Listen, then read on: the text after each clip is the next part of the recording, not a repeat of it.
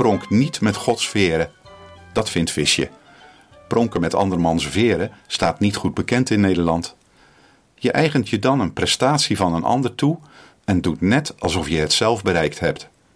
Daar houden we niet van. Pronken met Gods veren kan al helemaal niet. Je kunt je niets toe-eigenen. Hij geeft jou alles zonder een tegenprestatie te vragen.